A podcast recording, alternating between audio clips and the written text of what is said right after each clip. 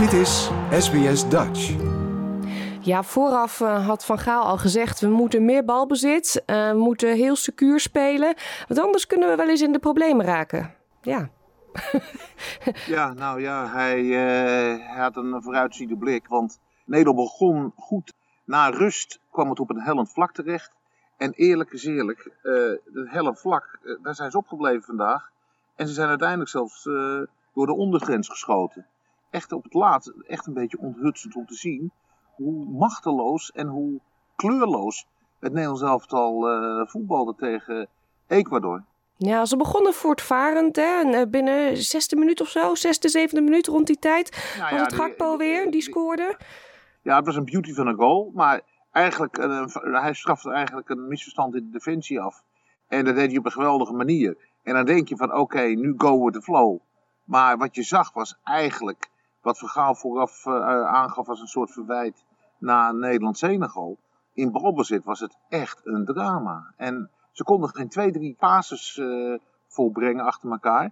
Ja, en dan zag je de Ecuadorianen zag je dan uh, er tegenover. Ja, je, zat op een gegeven moment gewoon te wachten op een gelijkmaker. Want Nederland werd met de rug tegen de, de muur gezet. Ecuador had een paar hele goede aanvallen. En, en aanvoerder Valencia, de, de sterspeler van Turkse Fenerbahce, was echt, uh, echt geweldig. En uh, nou ja, vlak voor rust kwamen ze echt heel goed weg. En uh, na rust was het eigenlijk heel snel, was het toch 1-1. En ja, daarna kreeg Ecuador nog een bal op de lat. En Nederland kon eigenlijk helemaal geen vuist maken. Het was hoeksleven een punt binnen. En voorkomen dat we verliezen. Nou, dat, uh, tegen een tegenstander als Ecuador zijn we dat echt niet van Nederland zelf gewend. Nee. Zeker niet op een WK. Nee, nou jij zit dus in dat stadion dan en je ziet het allemaal aan. Na afloop uh, ga je ook naar de persconferentie. En hoe zat Louis van Gaal erbij? Nou, hij was heel reëel. Hij, uh, hij gaf gewoon toe dat het, dat het niet best was. Hij zei, ja, en hoe gaan we dit oplossen? Dus gewoon de komende tijd heel hard trainen. Hij zei, ik kan geen enkele garantie geven dat het lukt. En dan hebben we toch wel een uh, probleem hier. Maar ik denk wel dat het lukt. En uh, ja, verder gaf hij toe dat hij het toch wel knap vond. Dat als je zo speelt als vanavond, dat je uiteindelijk toch een punt weet te pakken van een, van een betere tegenstander. Ja, dus wat dat betreft was hij wel reëel. Het was nog even een hilarisch moment. Omdat ehm, Frenkie de Jong bleek dus als speler van de wedstrijd gekozen te zijn. Dus die, die, die moet dan naar de persconferentie komen. Nou, je voelt hem al aan de Zuid-Amerikaanse pers zegt, nou wacht eens even, iedereen heeft kunnen zien dat Nederland zijn dag niet had. Iedereen heeft kunnen zien dat uh, Ecuador de betere ploeg was. En nu zit hier een speler van het Nederlands elftal als beste speler. Ja. En um, waarop dus Frenkie de Jong ook eerlijk toegaf van ja, ik, uh, ik heb niet zoveel met dit soort verkiezingen. En ik ben het eigenlijk wel met jullie eens. Maar dan zie je weer wat imago doet. Ja, en dat is dan toch wel pijnlijk, omdat je dan toch ziet dat de wereld hoge verwachtingen heeft van Nederland. Ook de manier waarop we voetballen. Ja, en als je dan een, een, prestatie en dan ook een performance als vanavond aflevert. Ja, dan zie je dat niet alleen Nederlanders teleurgesteld zijn. Maar ook de liefhebbers van het Nederlandse voetbal. Ja, laten we even naar een stukje van Gaal luisteren. De balans uh, is even zoek, maar die kan zo weer terugkomen. En het knappe is van vandaag dat wij gewoon die wedstrijd uh, uitgespeeld hebben. En dat wij een punt hebben gescoord tegen in mijn ogen een veel betere tegenstander. Dat was dus van Gaal. Um, de Pai ja. die uh, speelde natuurlijk ook weer. Die is lang geblesseerd geweest. Kreeg al speeltijd in de eerste wedstrijd. Nu tegen Ecuador wat langer. Hoe uh, deed hij het? Ja, hij viel in de rust in voor, voor Bergwijn. En uh, ja, hij was eigenlijk kansloos, want hij kreeg simpelweg geen ballen. Dus wat dat betreft heeft hij niet veel hoeven te doen. Dus fysiek is er geen aanslag op hem gepleegd. Maar dat was het pijnlijke van vanavond. Dat zelfs uh, al zou de paai in vorm zijn geweest, dan nog had hij het niet kunnen laten zien. Ja, omdat hij geen ballen kreeg. Het deed pijn aan je oog om te zien hoe na één of twee, drie uh, balcontacten Nederland de ballen weer kwijt was. Kijk, normaal gesproken denkt iedereen, je wint van uh, Qatar en je wordt alsnog eerst in de pool. Maar dan moet je echt wel een stuk beter gaan spelen dan vanavond. Want anders kom je zelfs tegen Qatar straks in de problemen. Nou, dat ja, zou wel zijn. Dan, ik wil, ja, maar ik, ik, bedoel niet dat je gaat verliezen. Dat zou wel helemaal uh, een andere uiterste zijn. Maar stel dat je gewoon gelijk speelt. Dan loop je nog zo met risico dat je tweede de pool wordt. Ja, en dan loop je dus ook het risico in achtste finales tegen Engeland te moeten. En die ontloop je liever in deze fase van het toernooi. Ja, dat is dus de volgende wedstrijd tegen Qatar. Daar hebben ze nu een paar dagen voor om zich op voor te bereiden. Laten we ook nog even naar de Socceroos kijken, want die komen voor ons uh, aankomende nacht weer in actie. Voor jou morgen. En die spelen tegen Tunesië. Ja, nou ja, uh, het is een toernooi van de outsiders die verrassen. we hebben het vorige keer al aangegeven dat je mag van Frankrijk verliezen.